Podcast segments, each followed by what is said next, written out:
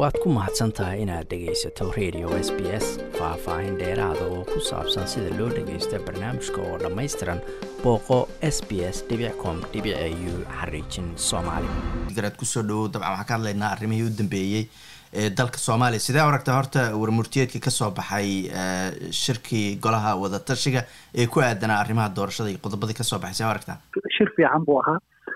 Waxyaabo badan oo laga caban hayeyna wuu xaliyey saad og tahayba doorashadaani waa doorasho dadban marka doorasho shacab maaha. Laakiin saasoy tahay waxay ahayd waxaa la dhaliilay sidii wax ku socdeen iyo sharciyadeedii waxay u ekaatay in si gacan ku rimis ah ama malxiis bay u bixisa soomaalidu ay noqoto ama la soo nomination. Waxaa meesha laga saaray heerkii guddiga doorashada waxaana ay noqotay dowlad goboleedku inay si buuxda gacanta ugu dhigaan. Arrintaas waxaa qayladhaan ka keenay qayladhaanta ugu weyn waxay ka imaanaysay dhinaca mucaaradka murashaxiinta madaxweynenimada ee muqdisho waxayna ku adkaysteen in guddiga doorashadana gacanteeda loo geliyo qabiilooyinkuna odayaashii la yaqaano caanka ahaa oo register garaysna ay muxuu ahaayte noqdaan kuwa soo xulahay. Arrintaas welwel badan baa laga qabay. Marka meelaha la xaliyey ayay ka mid ahay waxaan is leeyahay waa wada akhriyey toddobiyo toban sideed iyo tobankii qodob ku soo baxay.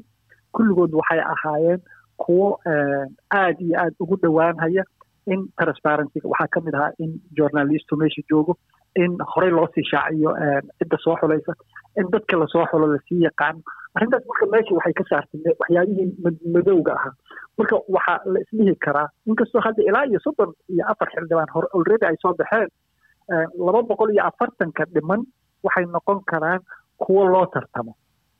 Waa garta. Marka cabdikaraad oo qodobadaas aad sheegto sideed iyo tobanka oo faahfaahinaya habraaca nidaamka doorashada wixii khaldanaa lagu saxayo.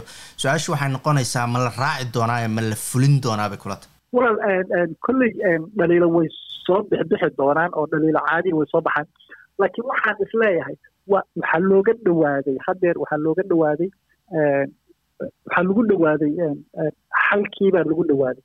Waxaa kaloo aad moodaa in ay loo nuglaanhayo oo dadkii dabada haystay iyo meelihii isku fiiqfiiqa ahaa ra'iisul wasaaraha daahinhayo madaxweynaha daahinhayo calanki waxyaa cidihii faraha lagu fiiqahayo o dhan.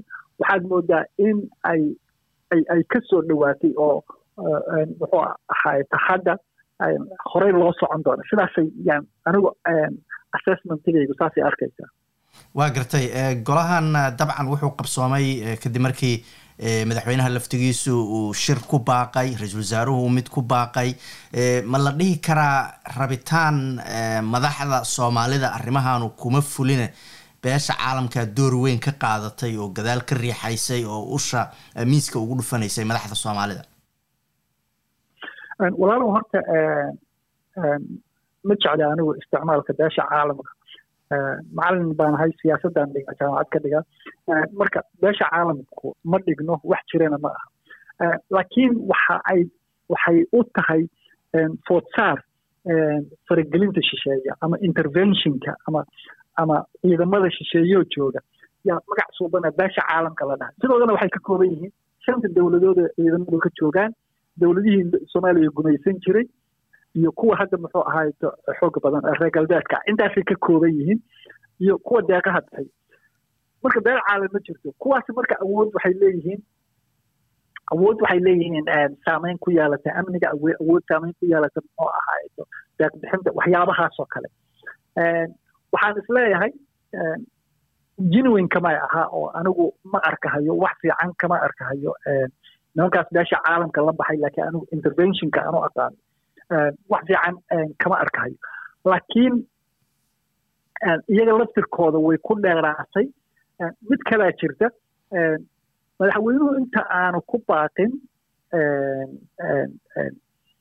inta aanu ku baaqin fadhiga ra'iisul wasaaraha ku baaqay. Ra'isul wasaaruhu wuxuu ku baaqay bisha toddobiyo labaatankeeda in laysu yimaado labaatankiina waxaa ku ekaa heshiiskii toddobiyo tobanka sebtember inuu soo gabagaboobay ahayd oo doorashada la qabto lix iyo labaatankiiba deadline ahayd.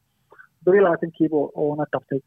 Arrintaas marka cagajiid baa ka jiray. Waxaa ka jiray cagajiid xagga puntland ka imaanaya oo duruufo xaggaa ka aloosnaa awgeed. Iyo cagajiid ka jiray dhinacan koonfurta dhinaceedana cagajiidyaa ka jiray. Siyaabo kala duwan u imaanayay marka looma dhegeldhiblaamin madaxweynuhu marka isaguna u yeeray waxay noqotay isagana inaan inaan uuna helin apiilkii dhegeldhiblaansho saas oo kale ah. Marka qayladhaantii ka soo yeertay nimanka gumaystayaasha iyo iyo faragelinta iyo waxay ahayd baritaag bay ahayd waxayna keentay natiijada in in la isu yimaado. Markii gacan maroojin iyo isu jiijiid iyo markii la isugu yimid. Waa gartay qodobka ugu dambeeyo qodobadan ka mid ah marka laga soo tago arrimaha doorashada wuxuu ahaa in lagu sheegay in amison ay xoojinayso ammaanka villa soomaaliya oo madaxda soomaalidu degan tahay. Qodobkaas siyaalo kala duwan baa loo turjuntay ama loo arkay. Dabcan khilaaf baa dhowaan ka dhex dhacay madaxweynaha iyo iyo iyo ra'iisul wasaaraha keentay meesha madaxdu degan tahay laftigeeda in ciidamo ay dhici kartay in ay isku food saaraan. Marka qodobkaas see u aragta adugu qodobkaas dhinacyo badan baa laga feeriyey waxaan arkahayay social mediada ku arkahayay dad dhahaya shan sano oo dowladda farmaajo ah. Narrative la samaynayo shan sano dowladda farmaajo ah waxay ku dhamaatay in madaxweynihii iyo ay ciidamadoodu ishor fadhiyaan iyo oo amazon kala dhicinayso arrintu saas ma aha. Waxaa jira resolutionno soo baxa resolutionno soo baxa. Sanadkan afar resolution baa soo baxday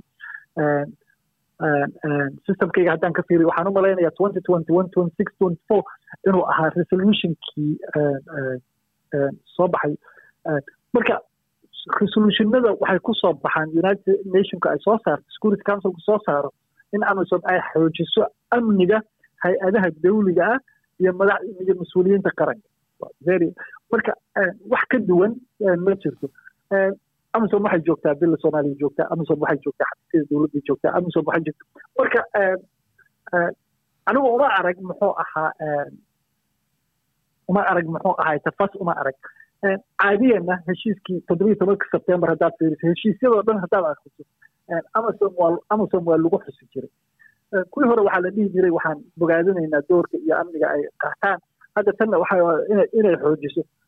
Aniga marka markaan fiiriyo sharciyadda amazon ay haysato iyo ereygan markaan fiiriyo markaan fiiriyo waxyaabihii hore oo heshiiskii lagu gaaray baydhabo iyo kii xamar lagu gaaray oo iyo kii ka dambeeyey agosto kii ahaa iyo kii baydhabo iyo kii sebtembarba amazon waxay ku lahayd waxay ku lahayd meeqaan bay ku lahayd lagu sheegay.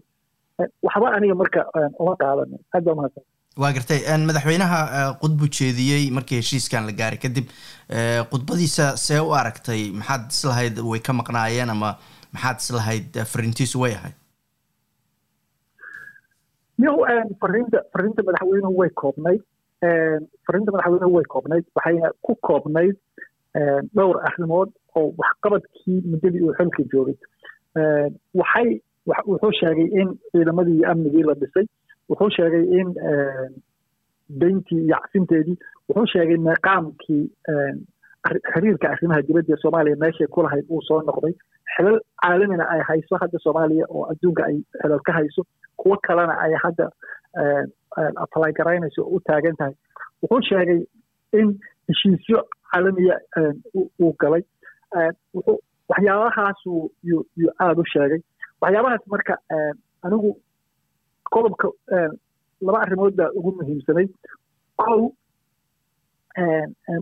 positivityga oo inay arrintu positive ahayd oo uu taageeray heshiiskii doorashada lagu aaday taas taas positive bay ahayd oo inuu yiri muxuu ahaa. Weliba uu yidhaahdo shaqada ra'iisul wasaaruhu uu wado. Arrinkaasi arrin fiican bay ahayd. Arrinka kale oo oo fiicanna waxay ahayd in ay daliilu ahayd arrintaani inuu madaxweynuhu murashax yahay oo campaign ay ahayd. Labada arrimood ba yay ahayd my my take away. Waa gartay dadka aaminsan madaxweynuhu inuu ka tegay matalan ra'isul wasaaraha magaciisa ma soo sheegin khilaafka isagii ra'isul wasaaraha udhexeeya kama hadal. Arrimahaasoo dhan arrimaha matalan abaaraha dalka ka jira kama hadal. Maxaad is leedahay dadka dhaliilsan oo leh waxyaalo badan buu ka tego madaxweynaha la rabay inuu ka hadlo wallahi dadka dhaliilsan madaxweynaha madaxweynahan inuu inuu arrinta ka hadlo dabcan waa waa dadka dhaliilsan oo waxaan arkay waxaan dhegaystay muxuu ahaa qaar ka mida murashaxiinta. Waxayna ku fiican tahay sida arrintaas waxay ku fiican tahay in la istacqiibiyo oo oo lagu tartamo muxuu ahaa maxaa guud madaxweynuhu waxaasuu ka tegey waxaasuu ka tegey waxaasuu ka tegey. Waa arrin fiican weeye. Waxayna tilmaamaysaa tusaale u tahay in lagu dhowaado fiicnaanta lagu dhowaado oo halkaas muxuu ahayd ay noqoto baratinku uu noqdo fiicnaanta. Waxaanu ka tegey waxaana ka dhimanaa laysmaho saanu hagaajin karay uwa fiicnaa laakiin wuu ka fiicnayn karay macnuhu saas weeye. Waa garta ugu dambeynta hadda qodobadii waxaa ku jiray in doorashada lagu soo gebagabeeyo inta udhexaysa shan iyo tobanka bishan janaayo ilaa labaatan iyo shanta febraayo oo afartan maalmooda ma kula tahay in lagu soo dhammayn karo doorashada waktigaasi mase kula tahay madaxda kala duwan oo federaalka iyo kuwa goboladaba inay ka dhab tahay in waktigaas ay ku dhammaato doorashaduna xilligaas noogu dhammaan karto. Yow waxaan is leeyahay federaalka waxba gacanta uguma jiraan ra'iisul wasaaruhu shaqadan nominal buu ka yahay. Inkastuu jeer ka yahay markii shaqada fulinta ay tahay waa ceremonial rolkiisu madaxweynuhuna waaba ka sii fog yahayba shaqadan gacanta si toos ah waxa ugu haya nitigrity staffkeeda waxaa gacanta ugu haya dowlad goboleedyada.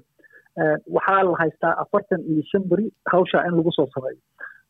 Waxaan aaminsanahay haddii ay ka dhab tahay way samayn karaan laakiin sida hawsha hadda ay ku wadeen waxay ahayd sidii waala gacan dhowr ah. Waala gacan dhowr geeljiraha yaqaano ma aqaanaad garanaysa gudub iyo babac baa muxuu ahayd ninba ku weynaa midna marka gacanta gacanta ka hortaysa haddii laba midig ay ay soo baxdo gudubka isagu skoorkiisu yahay. Midna hadday muxuu ahayto ay babac noqoto oo opposite line noqoto. Marka dadka aada xarfaanta waa waxay dhahaan waala gacan dhowr ah markaad ogaato gacanta soo fidinayaad taadii fiirsanaysaa marka si positional marka nimankana waxay samaynhayeen waala gacan dhowr ah ayay ciyaarhayeen toban baan sii daayey toban baan sii daayey toban baan sii daayey toban baan sii daayey afar baan sii daayey lix baan sii daayey. Waxaan is leeyahay haddii taa laga baxo oo genuine laga noqdo oo nimanku doorashada inay qaban hayaan ay noqoto waxaan leeyahay afartan iyo shan cisho waa lagu dhammayn karaa. Kaasina wuxuu ahaa doctor cabdigaraad oo khadka telefoonka ee magaalada london igu waramayey waad ku mahadsan tahay inaad dhegaysato raadiyaha s b s toos u dhegaysa barnaamijka habeenada arbacada iyo jimcada tobanka fiidnimo.